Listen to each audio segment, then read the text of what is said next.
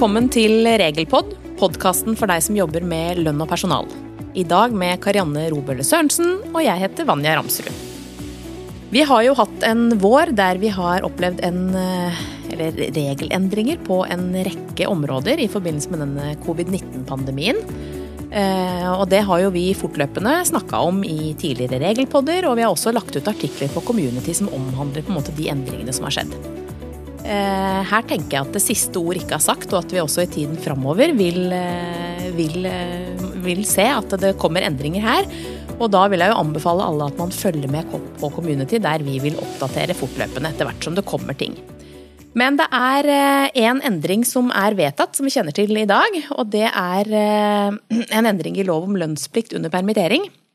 Der har man nå bestemt at denne arbeidsgiverperioden som ligger helt i starten på permitteringsperioden, den skal nå økes fra to til ti dager. Denne endringen her, den skjer fra 1. september i 2020. Så dette kommer altså til høsten. Og da vil den da gjelde for permitteringer som da iverksettes fra denne datoen og utover. Så det har vi i hvert fall fått der. Men du Karianne, du har jo fått et nyhetsbrev fra A-ordningen. Og der er det vel også noen temaer om dette her som gjelder permitterte, bl.a. dette med lønnskompensasjon. Ja, jeg har jo fått et nyhetsbrev til Karianne fra A-ordningen. Ja. Nei da. Det ligger ute på skatteetaten sine sider, og det er jo en sånn fin for oss som jobber med lønn, da, å holde seg oppdatert via de nyhetsbrevene. Hvor de tar opp litt sånn problemstillinger knytta til nye ting, og ikke minst ting som kanskje ikke er helt sånn som det skal være. Så det kan være en fin måte å holde seg oppdatert på. Dette nyhetsbrevet som kom denne uka, det er ganske fyldig og mye ganske sånn konkret opplysninger. Og de, som du sier, første, første de bruker tid på er jo permitteringer. Vi bruker opplysningene om permitteringer mer enn før, sier de. Det er jo via avmeldingen man rapporterer start- og sluttdato osv. i forhold til permitteringer. I disse dager hvor det er veldig mange som bruker denne lønnskompensasjonsordningen, hvor de går inn og søker på vegne enten av refusjon for virksomheten eller på vegne av de ansatte, for disse 18 dagene, så er det, er det sånn nå at de også der må bruke opplysningene fra avmeldingen som, i tillegg til, til selve søknaden, da. Det noen har opplevd, er kanskje at det de har rapportert, ikke ser helt sånn ut for Nav som man har rapportert det.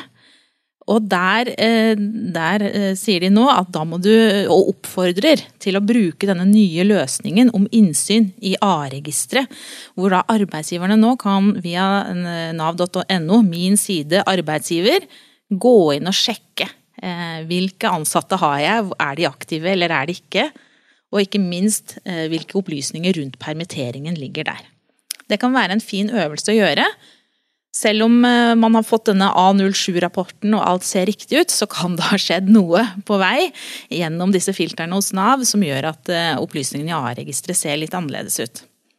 Så vi må nesten oppfordre alle som ikke har gjort det allerede, til å bruke denne muligheten til å gå inn i A-registeret og sjekke at opplysningene er sånn som du tenker de skal være. Det som sies er også at du bør jevnlig kontrollere at opplysningene i A-registeret er riktig. Så de oppfordrer her til at du går inn og sjekker og gjør dette som på en måte en aktiv del av hverdagen din. I forhold til å vite at alle de mange hundre aktørene som bruker A-registeret, i det offentlige spesielt, at de har riktige opplysninger i forhold til, i forhold til de ansatte. Når du logger deg inn, det står også en liten beskrivelse, en lenke til en beskrivelse av hvordan du logger deg inn her i nyhetsbrevet, så, så vil du se at du kan logge deg inn på, på, virksomheten og den enkelte ansatte. Og da vil du kunne se detaljerte opplysninger om hver enkelt ansatt som er registrert på den virksomheten du kjører lønn for, da. Så her er det kanskje noen som vil få seg en overraskelse når de går inn og sjekker, at det ser ikke helt ut sånn som man tenkte, men forhåpentligvis så er det riktig.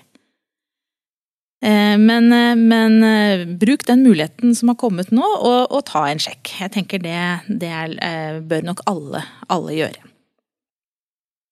I forbindelse med, med den lønnskompensasjonsordningen så, så, har det jo Dette har vi jo snakket om før også, i forhold til arbeidsgiveravgiften.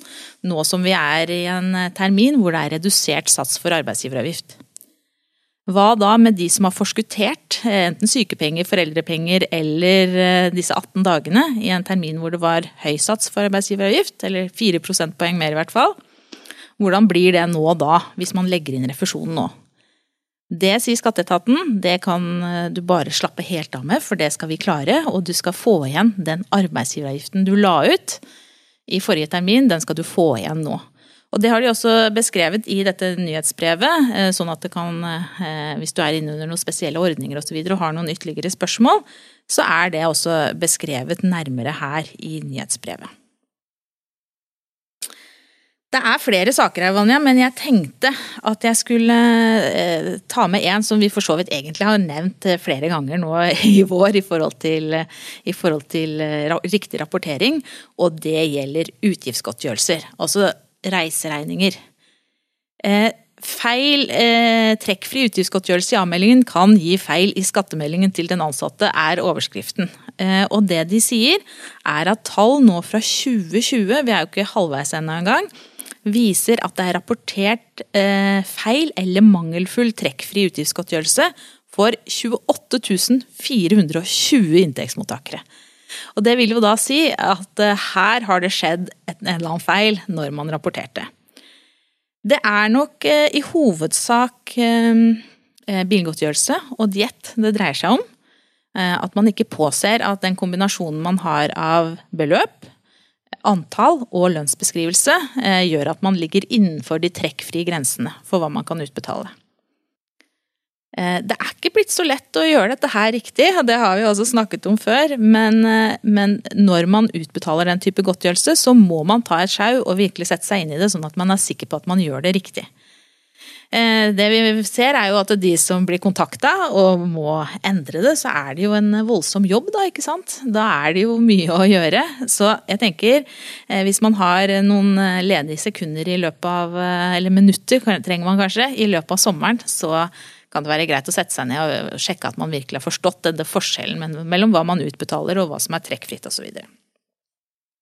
Så, så vi har jo selvfølgelig kurs på dette Vanja som ligger eh, tilgjengelig hos oss. Og i eh, slutten av august så har vi også denne webinarserien vår for reiseregninger fra A til Å.